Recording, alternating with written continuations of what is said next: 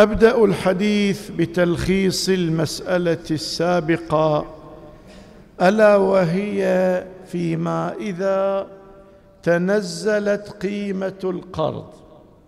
باختصار السيد الخامنئي يقول ما دام المال ألا وهو القرض قد تنازلت وانخفضت قيمته الشرائية فأنت عليك أن تدفع بقدر قيمته الشرائية حين أخذك القرض. مثلا كانت هذه ثلاثمائة دينار قيمتها تساوي المقدار من المشتريات. اليوم وصلت إلى النصف.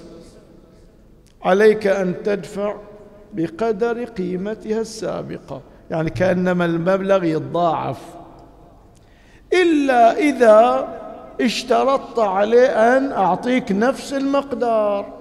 ألف دينار أرجع ألف. إذا اشترط. أو كان العرف خارجا كذلك. في إيران موجود وجاب مثال هو. حفظه الله. ما هو المثال؟ في إيران إذا واحد بيستأجر بيت يدفع مبلغ. هذا يرجع لي عقب ما؟ يخلي البيت. يعني كضمان. هذاك براعي البيت ياخذه ويستفيد منه ويشتغل فيه.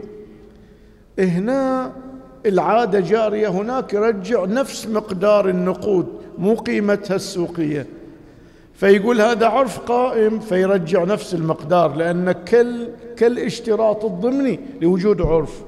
فإذا السيد حفظه الله السيد الخامنئي يقول تلحظ مسألة التضخم وانخفاض القيمة السوقية وتدفع.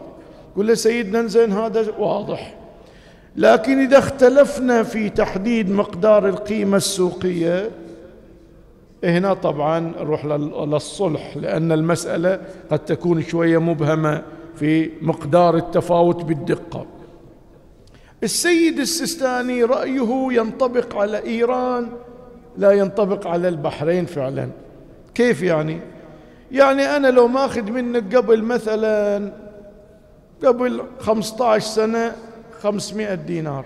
لا إشكال أنها كانت لها قيمة تختلف عن الآن.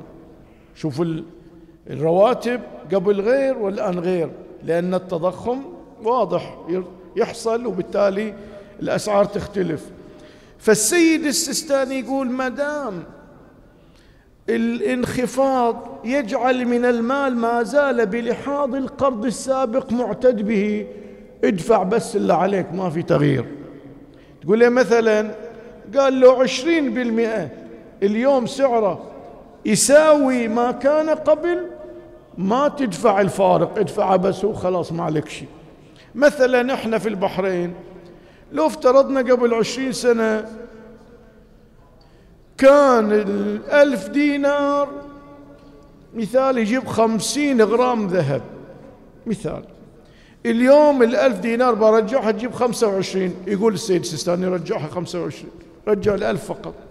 لما قال النصف؟ قيمة معتد بها. فما تدفع الفارق. متى سيدنا انت عندك احتياط؟ قال إذا كان المبلغ اليوم بلحاظ ما كان حين الاقتراض لا يعتد به. أنا أخذت منك مليون تومان كانت تساوي مئة دينار.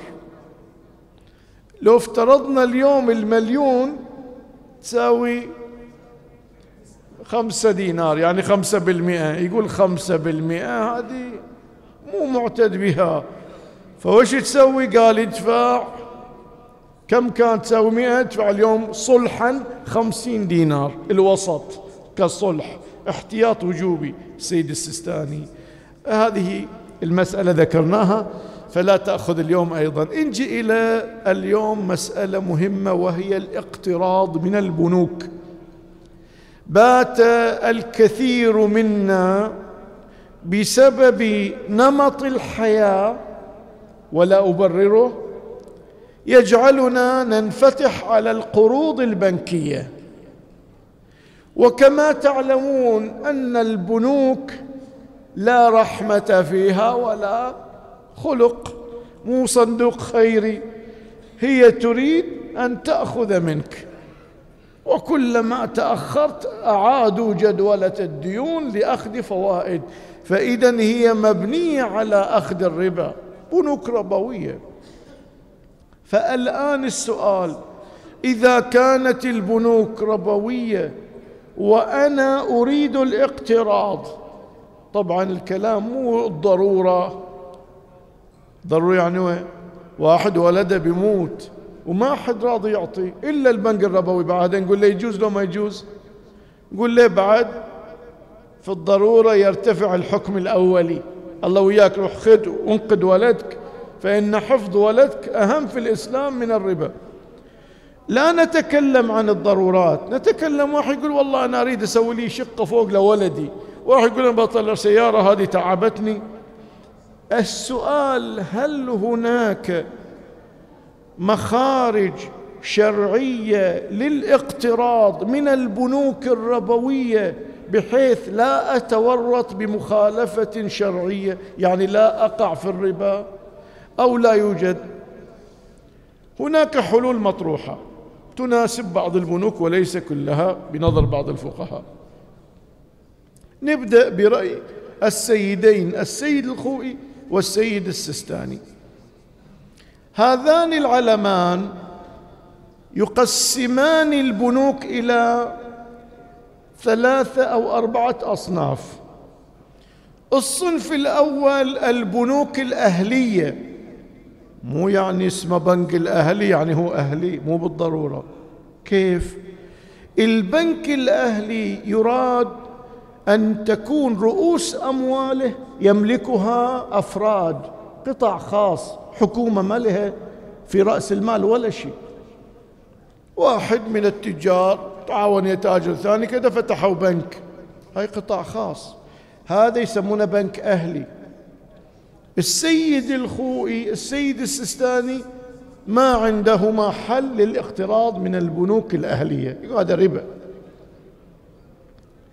الحل يأتي في البنك الحكومي. هاي قسم. والبنك المشترك بين الحكومة والقطاع الخاص يسمونه المشترك أو المختلط. ويأتي الحل في البنك الكافر. يعني اللي رؤوس أمواله يملكها كفار. إذا نحن إذا أردنا أن نقترض ونحن من مقلدي السيد الخوئي أو السيد السستاني لا نلجأ للبنك الأهلي. البنك الأهلي كاصطلاح فقهي يعني الذي رؤوس أمواله ملك أفراد. نلجأ إلى بنك حكومي أو مشترك أو بنك كافر. كيف يعني أروح أخذ ربا؟ خلاص. لا. نقول هنا يوجد حل لم نطرح الحل بعده. فما هو الحل؟ نبدأ بالبنك الحكومي أو المشترك. حكمهما واحد. السؤال قبل لا نروح للطريقة. هل هناك نسبة مثلا تشترطونها في البنك المختلط المشترك؟ بعض الأحيان نجي نفتش كل رؤوس أموال البنك قطاع خاص. اثنين بالمئة ملك حكومة حتى لو اثنين بالمئة. في بعض الاستفتاءات حتى لو واحد بالمئة. مدام الحكومة لها جزء من رأس مال البنك هو بحكم الحكومي الكامل في مسألة الاقتراض منه. ما هو الحل؟ هنا يختلف العلمان. السيد الخوئي له طريقة. السيد السيستاني له طريقتان. نبدأ بالطريقة المشتركة التي يقبلها السيد الخوئي والسيد السيستاني. ألا وهي تذهب للبنك تطلب قرضا. كان والله أنا محتاج عشرة آلاف جابوا الأوراق ورتبوا وكتبوا الفوائد وكتبوا العقد كامل. أنا أقول في قرارة نفسي أنا مو جاي أقترض. كيف مو جاي تقترض والأوراق مكتوب القرض والطرف الأول والطرف الثاني واتفقوا؟ هذا هم كاتبين أنا نيتي. العقود تتبع القصود. أنا ما قصد قرض. كيفك؟ إيه مو هذا حل طرح المرجع. زين كيف بتستولي على مال البنك؟ بنظر السيد الخوئي والسيد السستاني البنك الحكومي والمشترك أمواله من أموال ما يصطلح في الفقه مجهول المالك. ومجهول المالك أمره بيد الحاكم الشرعي يعني المرجع الفقيه. إنزين فالمرجع في حياته السيد الخوئي الحين مات. إذا أنت عندك الاعلى من السيد السيستاني بتروح للسيد السيستاني في الإذن. إذن. الأول كان على زمن السيد الخوئي يقول روح خذ المال بعنوان مجهول مالك في نيتك مو نية قرض. وانت توقع نية مجهول المالك. أخذت روح للحاكم الشرعي. فسابقا كانوا يجيبون القرض إلى وكيل المرجع ويأذن لهم في التصرف فيه. للآن ناس يتصلون يقولون أنا ماخذ قرض مجهول مالك أبو أمر عليك. تمر علينا لا من زمان انتهى الأمر. كيف انتهى؟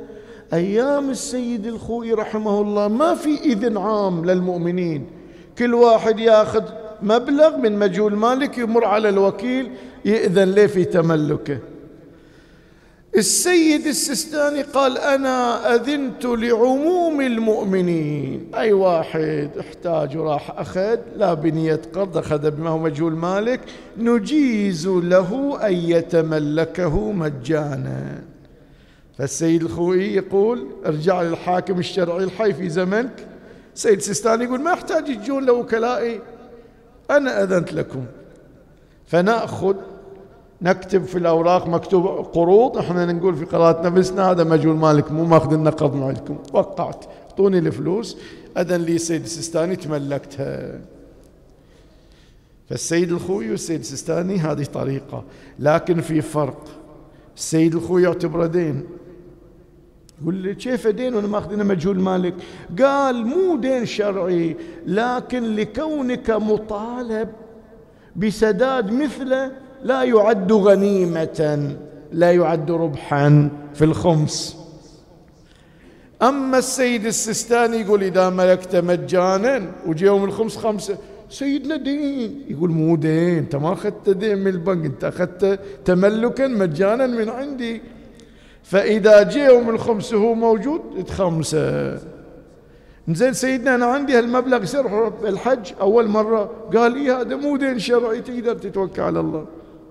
هذه الطريقة الأولى يقبلها السيد الخوي والسيد السيستاني. مع فارق أن السيد الخوي يقول لا يعد غنيمة السيستاني يقول لا غنيمة لأن ملكتها مجانا. الطريقة الثانية يختص بها السيد السيستاني في أموال البنوك الحكومية أو المشتركة. يقول أنت خايف من الخمس؟ تقدر ما تأخذه من عندي مجانا. تقدر تأخذه قرض. أنا أذن لك تقترضه أنا الحاكم الشرعي وتسدده بعدين للبنك. فتشوف البعض يقول أنا ما باخذه ما باخذه كتملك مجاني. ليش؟ قال تعرف أنا هذا القرض ثلاثين ألف مشتري بجزء منه بيت اللي ساكن فيه على فتوى السيد السيستاني سنين ما عليه خمس. لين سويته قرض لين سويته تملك مجاني بخمس فأنا بلجأ إلى جعله قرضا فالسيد سيستاني يقول أذنت لكم أن تقرضوا أنفسهم وك أنفسكم وكالة عني والسداد إلى البنك. تقول لي سيدنا بس البنك بياخذ زيادة؟ قال زيادة بياخذونها عن بتدفعها عن لا تسجن. أنت ما أخذت من البنك شيء أخذت من عندي. قرض من عندي. فهناك إذن عام توكيل عام أنه يمكن لمن أخذ مالا مجهول المالك من البنك لا بنية قرض وقع قرض بس أخذ كمجهول مالك أن يقرضه نفسه وكالة عن السيد السيستاني ولم يقع في الربا. إذا السيد أعطانا الطريقتين طريقة تملك مجاني هذا يخمس هذا يقدر يحجبه طريقة اقتراض هذا ما في خمس ويسقط الخمس إذا صرف في المؤونة وأيضا يمنع استطاعة الحج لمن لم يحج سابقا لأنه مديون في المؤونة. هذه بالنسبة لطريقة السيد السستاني والسيد الخوي في البنوك الحكومية أو المشتركة. نجي إلى البنك الكافر. البنك الكافر يقول مال كافر. اي أدري مال كافر؟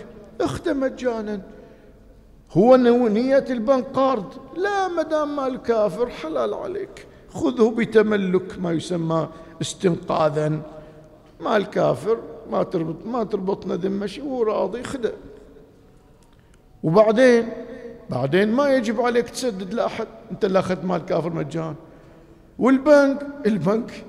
سدد لي عن لا يسجنك. أنت ما أخذت شي قرض. فإذا مال الكافر هنا يجيز المرجع أن أخذه هو راضي لا الكافر. أعطني إياه في توقع بيأخذ مني أزيد. فأنا تملكت مجانا وليس قرضا فلم أقع في الربا.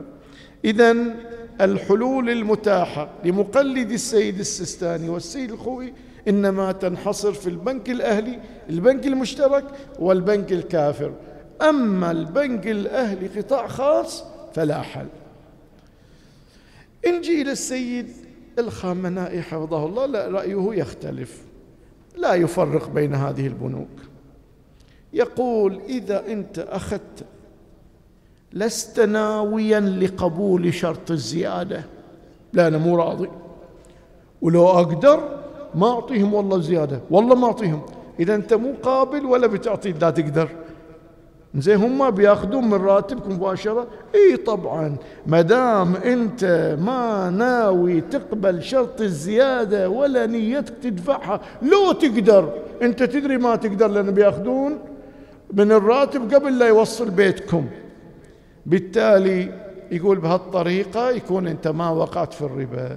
فإذا السيد وسع الدائرة كل البنوك تأخذ المال بنية القرض لا بنية قبول شرط الزيادة ولا بنية السداد لو أمكن التخلص ولا يضرك علمك بأنهم سيأخذون الزيادة قبل أن يصل راتبك إليك. لا يضر. بهذه الطريقة نقدر نقترض بلا مشكلة.